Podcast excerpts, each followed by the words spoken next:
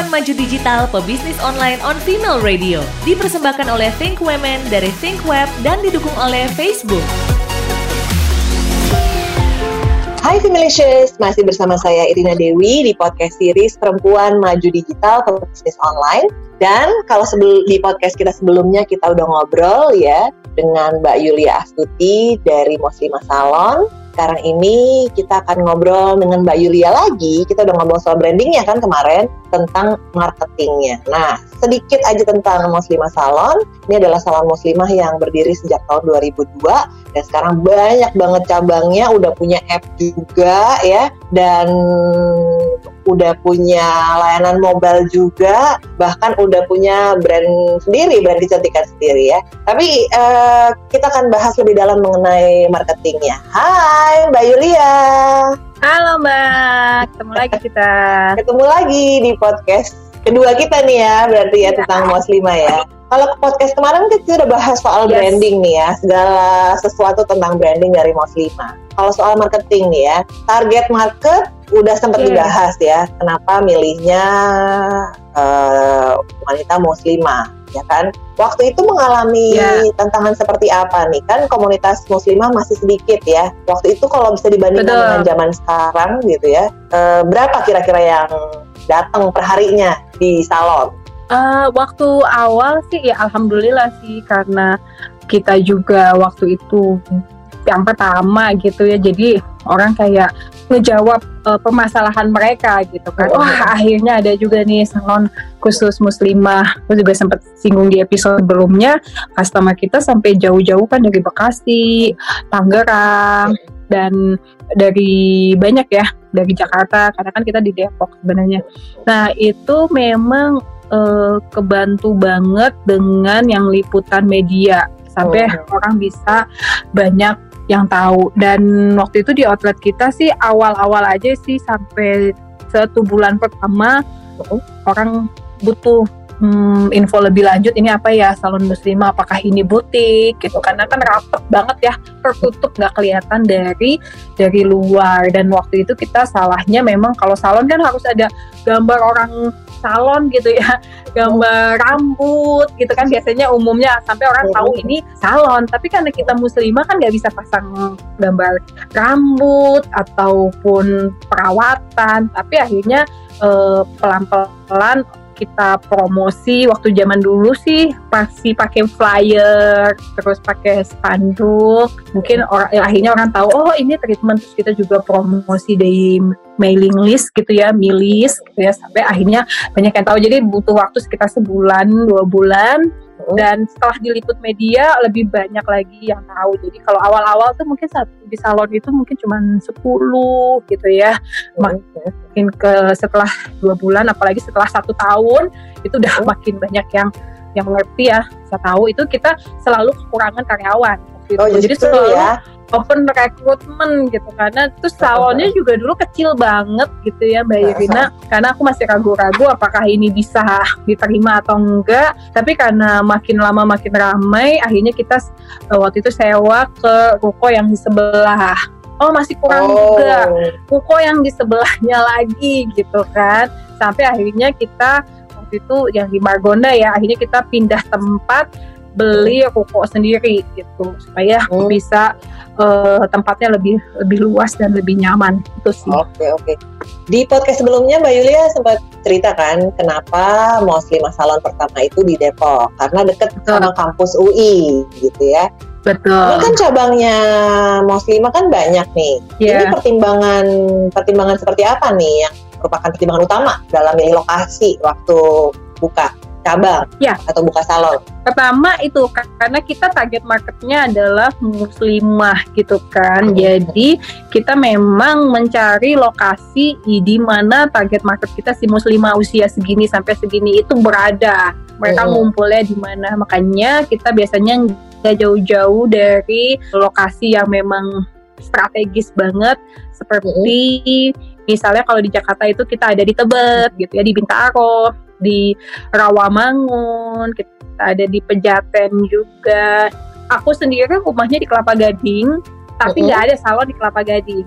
Kenapa? Oh. Karena nggak masuk target market aku di situ gitu. Jadi kadang orang juga ada udah punya rukonya gitu ya nawarin Oke. kerjasama. Oh, kita ngecek, kita lihat gitu ya kalau di Jakarta tuh dengan target market kita. Jadi salah satu tolak ukur adalah ada nggak sekolah seperti Al Azhar di sekitaran Sekolah itu. Islam Jadi ya. kita ada eh, radius berapa kilometer, kemudian perumahannya seperti apa profilnya. Biasanya kita ada tim survei untuk melihat.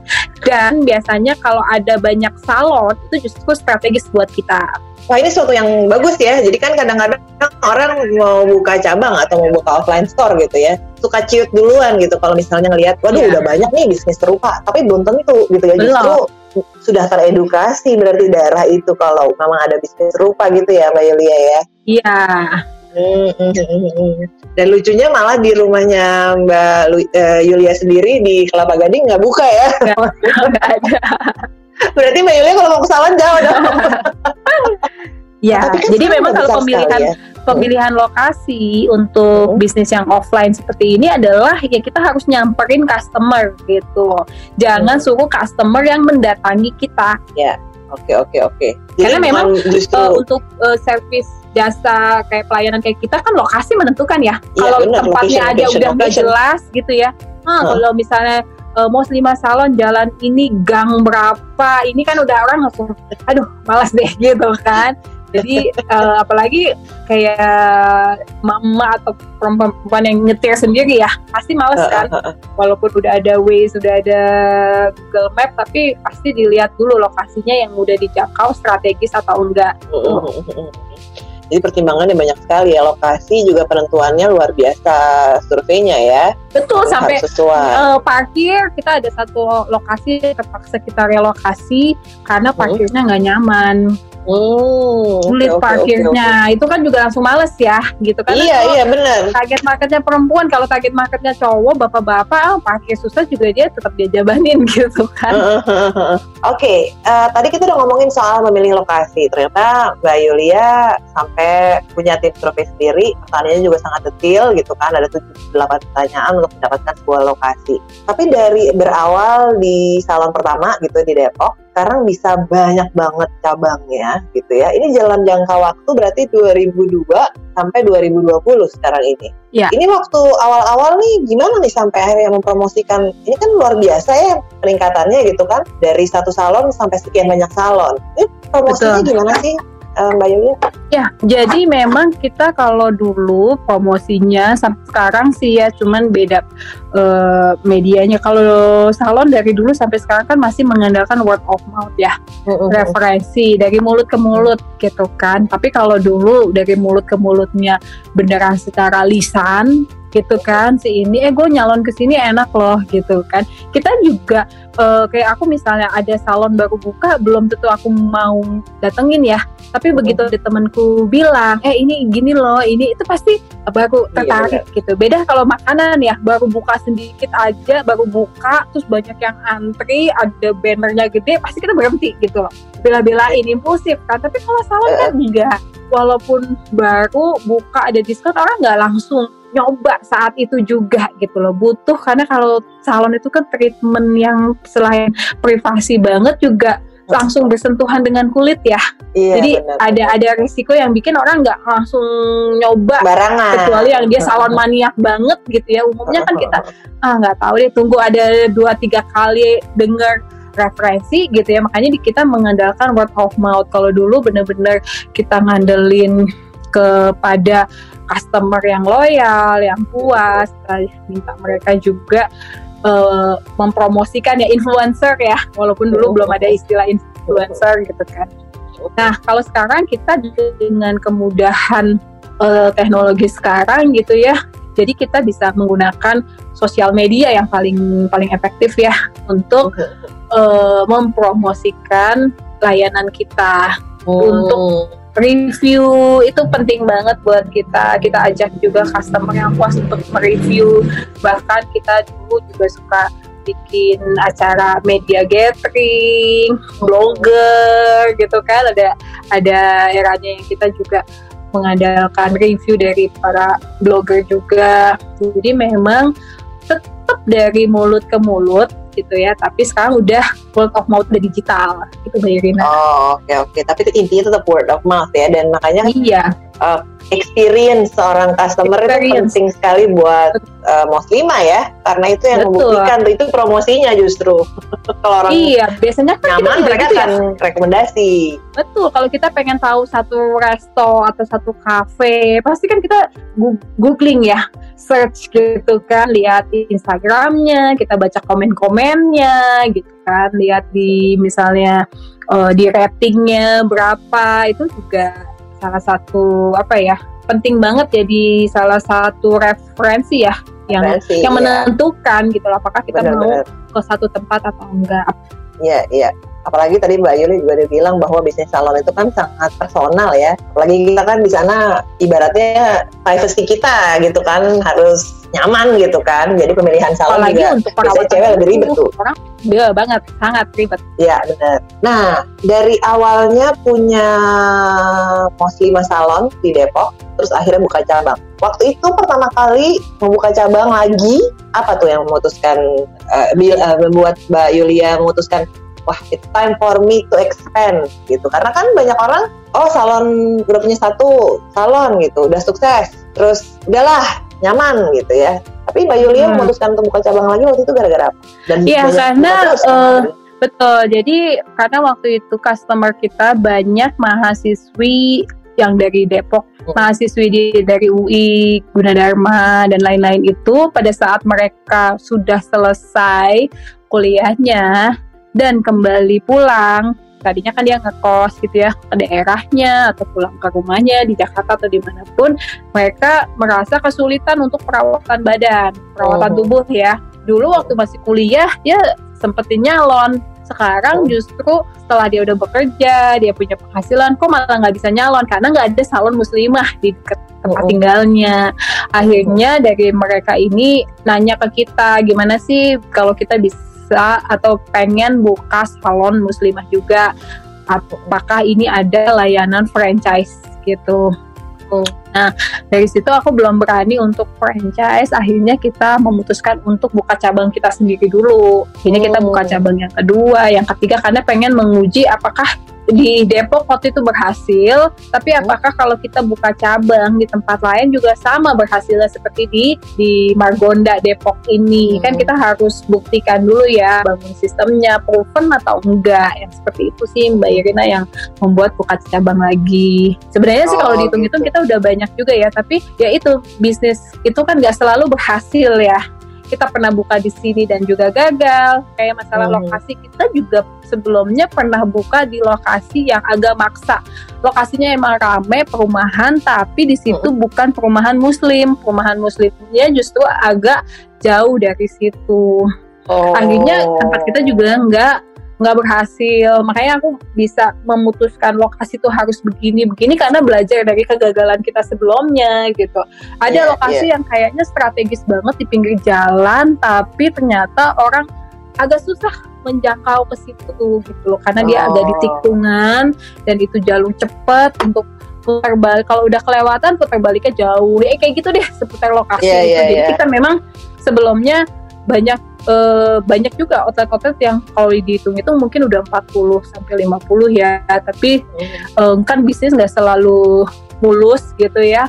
Pasti ada ada kegagalan atau partner kita mitra kita juga ternyata yang tadi makanya aku bilang harus cari tujuannya jelas dulu. Ternyata dia salah tujuannya atau gimana yang ternyata kok berbisnis salon yang tadinya pengen punya waktu luang dengan keluarga malah nggak ada yang kayak, kayak gitulah yang makanya kita oh, oh, oh, semakin ke sini belajar dari pengalaman uh, kita punya kriteria kayak pengalaman memilih lokasi beberapa kali gagal itu yang bikin kita bikin standar lokasi seperti ini. Iya, berarti trial and error juga ya sistemnya. Ya, Banyak. Ya, iya, ya.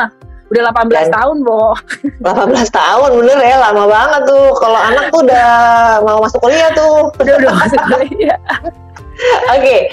tadi berarti indikatornya adalah request dari customer sebenarnya ya, Mbak Yulia. Indikator Iya, buka cabang adalah pengen menjangkau customer customer lagi karena customernya bilang Betul. buka di sini. gitu. Karena kan aku tadi udah bilang kalau aku niatnya sebenarnya simple aja, nggak punya visi yang gede atau misi yang gimana-gimana. Pokoknya punya penghasilan kurang lebih sama sama gajiku di kantor. Aku pengen berhenti kerja, sesimpel itu Hmm. aja. Jadi nggak dulu sih nggak tertarik untuk buka cabang di mana. Ya udah cukup satu di Margonda aja. Tapi Tapi ternyata customernya ternyata nggak ini ya, nggak mau ya. Uh, Ayo dong Mbak Yulia buka lagi. Iya, yang seperti itu. Akhirnya malah Ah, iya, iya. membuat aku berpikir, oh iya ya, ternyata bisnis ini bisa dibesarkan loh. Ternyata bisnis ini bisa dikembangkan. Sekarang kita nggak tahu caranya, terus gimana supaya tahu? Aduh, kalau franchise gimana ya? Itu jadi belajar. Nah berarti sekarang Mus Muslimah ada buka franchise. Iya, Oh, udah buka franchise. Dan tahun berapa nih buka memutuskan untuk oh I'm ready. Saya siap nih buat buka franchise. Tahun berapa tuh, Mbak Yulia? du- 2009 ya, 2009. betul. Kenapa waktu itu memutuskan udah siap? Dari indi- indikatornya apa nih? Udah siap untuk buka franchise? Ya karena waktu itu eh, mungkin eh, perkembangan diri juga ya yang awalnya aku hanya nggak mimpiku nggak gede-gede aku cuma cuma pengen punya penghasilan segini aja begitu udah dicapai ya udah gitu terus makin lama kok aku ngerasa eh, kayak statis aja ya terus ngapain lagi nih sekarang ternyata banyak ada ada tantangan lagi banyak yang kepengen buka muslimah di daerahnya karena menurut dia ini pasti dibutuhkan oleh banyak muslimah. Jadi kenapa kita muslimah nggak mengembangkan? Nah dari situ aku berpikir lagi gitu ya apa siap gitu karena jujur waktu itu aku takut banget gitu ya kalau kerjasama Hmm. dengan orang mereka membuka terus ternyata nanti servisnya nggak memuaskan seperti yang kita Hmm. lakukan di pusat. Karena kan seringnya kayak Hmm. gitu ya. Aku punyanya pengennya gini aku tuh orangnya gini gini gini gini idealis lah gitu. nanti bisa nggak gitu. Ketemu orang yang sama idealisnya seperti aku. Dan kayak gitu dah karena belum tahu ilmunya. Akhirnya eh, belajar tentang franchise itu gimana sih duplikasi bisnis itu seperti apa bermitra atau berpartner dengan orang lain itu seperti apa. Akhirnya setelah belajar setelah ini baru kita pede untuk bekerja sama sama dengan orang ya. dengan Ini orang eh, untuk mempelajari bisnis pralaba gitu franchise, terus marketing, terus sekarang mengembangkan produk perawatan wajah ya. Ini Mbak Yulia belajarnya otodidak atau ngambil sekolah lagi atau gimana nih waktu itu? Eh, banyak. Jadi dulu aku nggak tahu kalau ternyata ada komunitasnya, ada sekolahnya, ada workshop tentang how to Hmm. franchise your business, ada ada konsultannya bahkan. Jadi setelah mengetahui ya udah belajar juga yang kurang apa kita persiapkan, ada konsultan juga ya kita hire konsultan itu jauh lebih lebih mudah dan sebenarnya kita juga banyak ada jasa konsultasi untuk yang pengen buka salon dengan namanya sendiri Oh, itu sebenarnya lebih banyak jadi kita udah banyak bantu pengusaha-pengusaha yang pengen punya salon tapi dengan sistemnya dia tapi dia nggak tahu bagaimana memulainya itu ba- banyak di daerah-daerah Oh gitu. Jadi Mm-mm. Muslimah juga buka itu ya. Jadi kalau mau Iya. menge- mengembangkan brand sendiri, brand salon, boleh Iya. gitu ya belajar dari Muslimah terus Iya, jadi kita lebih banyak itu biasanya di daerah atau dia juga eh, pengen bukanya salon umum, bukan salon muslimah atau dia bukanya salon wanita. Atau memang dia pengen buka salon muslimah juga tapi dia pengen stylenya dia sendiri dengan apa ya hmm, ide-idenya atau kreasinya sendiri tapi dia pengen dibantu setup awalnya. Nah itu kita banyak bantu itu Oh oke oke oke. Waduh, jadi kayaknya Muslimah ini semuanya serba bisa ya. jadi semuanya Yang ada nih mau konsultasi ya, ada, mau mobile ada, mau franchise ada. Iya, training center kita juga ada. Jadi buat yang Waduh. pengen punya skill salon gitu ya, Heeh. itu dia mandiri. Misalnya dia pengen eh, jasa sendiri aja gitu, kita juga ada training center. Ada training center juga ya luar biasa banget nih. Nah tapi di situasi kayak sekarang nih Mbak Yulia, Betul. akan kita mengalami Iya. sekarang nih PSBB tahap 2 belumnya new normal sebelumnya lagi PSBB tahap 1 di masa-masa COVID-19 seperti ini imbas seperti apa yang dirasakan sama muslimat dan gimana cara ngatasinnya? Waduh, kita bis industri salon dan spa itu termasuk industri yang terpukul banget ya dengan adanya pandemi ini. Karena kita eh, berinteraksi ya bersentuhan langsung kan dengan customer. Tentunya ini adalah beresiko tinggi. Jadi waktu pandemi awal, eh awal pandemi di bulan Maret memang kita tutup kan, nggak boleh buka juga selama kurang lebih tiga setengah sampai empat bulan. Gitu. Eh, di bulan apa ya saya lupa. Pertengahan Juni salon udah boleh buka gitu kan. Kita memang mempersiapkan untuk buka kembali tentunya dengan protokol yang ketat. Tapi memang kan ada pembatasan ya pembat social distancing. Otomatis itu juga menjadi pembatasan kapasitas. Itu berkurang banget gitu.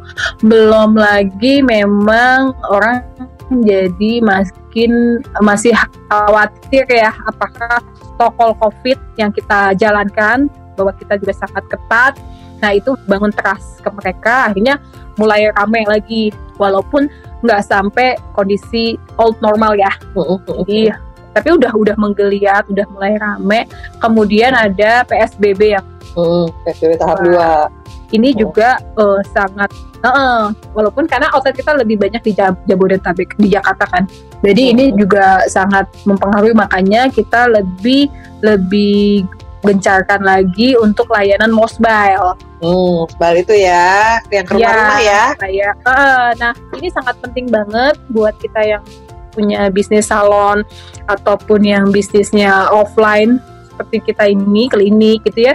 Sangat penting banget kita untuk mensosialisasikan protokol covid yang kita jalanin gitu ya menjalani protokol COVID dengan ketat itu udah pasti ya satu keharusan gitu kan. Tapi bagaimana customer atau orang di luar itu bisa tahu bahwa kita menjalaninya itu yang perlu sosialisasi. Jadi banyak banget yang nanya ke kita ini protokolnya gimana ya? Ini pakai masker enggak? Ini gimana? Saya pengen tapi saya takut kayak gitu. Jadi penting banget kita mensosialisasikan bahwa kita menjalani, ayo jangan takut tapi tetap eh, waspada ya dan kalau buat aku sih menjalani protokol ini bukan lagi sekedar karena peraturan tapi memang udah kebutuhan demi keamanan dan kenyamanan kedua belah pihak Hmm.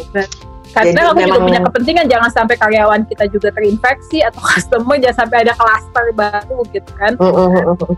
Jadi bukan cuma gara-gara oh pemerintah menetapkan protokol kesehatan, tapi secara brand gitu mau Moslima juga benar-benar menerapkan protokol ini buat keamanan karyawan dan customer dong gitu kan. Jadi Iya, benar-benar harus kalau disiplin gitu kan. sampai kalau ada karyawan kita yang terinfeksi kan akhirnya juga eh, Ke mana-mana kita ya juga ya. iya ke mana-mana ya seperti itu. Nah bagusnya kita juga punya produk gitu kan. Jadi kita tidak hanya mengandalkan eh, tamu yang datang ke salon atau Mau ayu ya?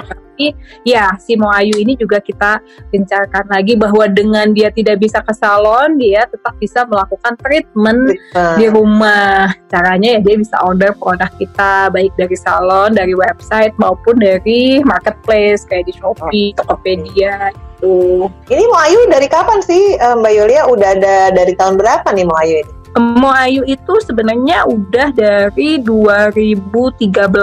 Hmm, Udah lama. lama. Tapi selama ini penjualannya memang kita mengandalkan di penjualan retail itu mengandalkan dari outlet-outlet di salon Oh, atau ke klien kita yang oh, oh. salon-salon lain yang memang mereka eh, klien kita untuk menggunakan produk Moayu. Nah, Hmm. dengan adanya pandemi itu yang membuat kita jadi putar otak gitu ya. Oh, ternyata bisnis salon aja terimbas. Bagaimana kita bisa bertahan? Oh, ternyata kita harus meng- eh, mengandalkan penjualan produk Moayu. Yang tadinya produk Moayu itu sebagai belum kita fokus ya sampingan. Sekarang kita benar-benar mengandalkan banget gitu yang tadinya aku perusahaan jasa, sekarang bagaimana bisa bermain di retail, retailnya retail kosmetik pula gitu ya. Kita tahu lah ya pemainnya sangat banyak. Gitu banyak ya. banget. gede-gede banget. Nah di situ yang jadi tantangan banget buat aku gitu kan. Kita mesti bisa bukan sekedar beradaptasi ya. Oh ini oke oke COVID kita beradaptasi dan kehidupan new normal. Tapi PR-nya bagaimana kita bisa tetap bergerak maju ya. Bukan cuma beradaptasi tapi bisa tetap bergerak. Itu jadi challenge banget. Dari bisnis jasa ya kayak Mbak Yurina bilang. Sekarang kita jadi bisnis produk. Produk. Beda gitu, mindset beda caranya. Aduh itu benar-benar berdarah-darah banget. Tapi gimana nih mengatasi tantangan itu? Maksudnya kan mau ayu produk yang lumayan banyak dicari sama orang sekarang ini. Seperti apa Betul. sih marketingnya nih Mbak Yulia? Maksudnya sampai akhirnya orang-orang benar-benar uh, udah nggak bisa ke mana-mana lagi kan seperti tadi Mbak Yulia bilang kan selama ini pengalaman kan bisnis jasa gitu kan sama retail beda. Akhirnya bisa Betul. kayak sekarang nih gimana? Nah ya, jadi gini kita mengandalkan penjualan produk Moayu itu di salon. Jadi semua customer muslimah yang udah biasa nyalon atau customer salon-salon lain yang menjual produk Moayu pasti sudah familiar gitu ya. Tapi begitu hmm. salon ini ditutup dan kita jual di marketplace, ibaratnya bahasa ya, saya hari ini siapa lu gitu kan? Siapa ini Moayu? Mereka nggak pernah dengar gitu kan? Kalau yang kayak kita kan lebih banyaknya kan pro, uh, produk kita itu perawatan rambut muslimah, uh-uh. terutama shampoo dan hair tonic gitu kan. Uh-uh. Tapi begitu di marketplace di luar itu kan banyak banget ya Mbak Irina. Sampo uh-uh. hijab itu juga banyak banget gitu. Itu siapa ini mau Ayu nggak dikenal sama sekali gitu kan.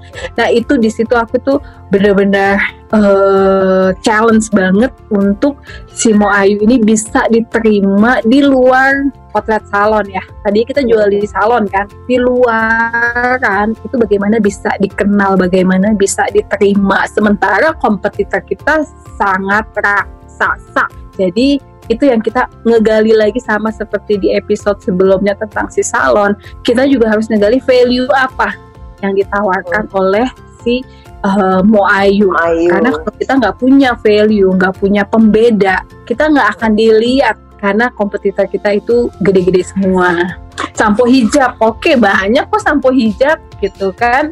Di luaran juga banyak banget sampo hijab. Terus apa yang membedakan si sampo hijabnya? Mau ayu ya kayak gitu. Oh jadi benar-benar harus didetilin lagi ya. Betul. Dan maunya kan produk mau ayu ini kan benar-benar bukan cuma dibeli sama customernya muslimah aja tapi muslimah keluar dari situ dong hmm. ya. Betul. Uh, keluar di luar customer gitu kan. Tapi gimana kondisinya sekarang? Udah tercapai belum? Maksudnya kan pasti ada di market plaza nih ya kan? Iya. Apakah jadi emang pelan-pelan. Dan oh, alhamdulillah kalau nggak karena covid ini nggak ada pandemi ini mungkin kita nggak bakalan serius itu mengolah atau uh, pemasaran ya? Ayu. Iya diulik-ulik dan di ini gitu kan. Alhamdulillah gitu. Sekarang di marketplace juga uh, penjualannya juga udah meningkat gitu kan. Tapi juga kita masih ngebangun juga akhirnya kita kayak ngebangun tim tim di marketing online marketing ya. Akhirnya kita juga mencari partner untuk distributor.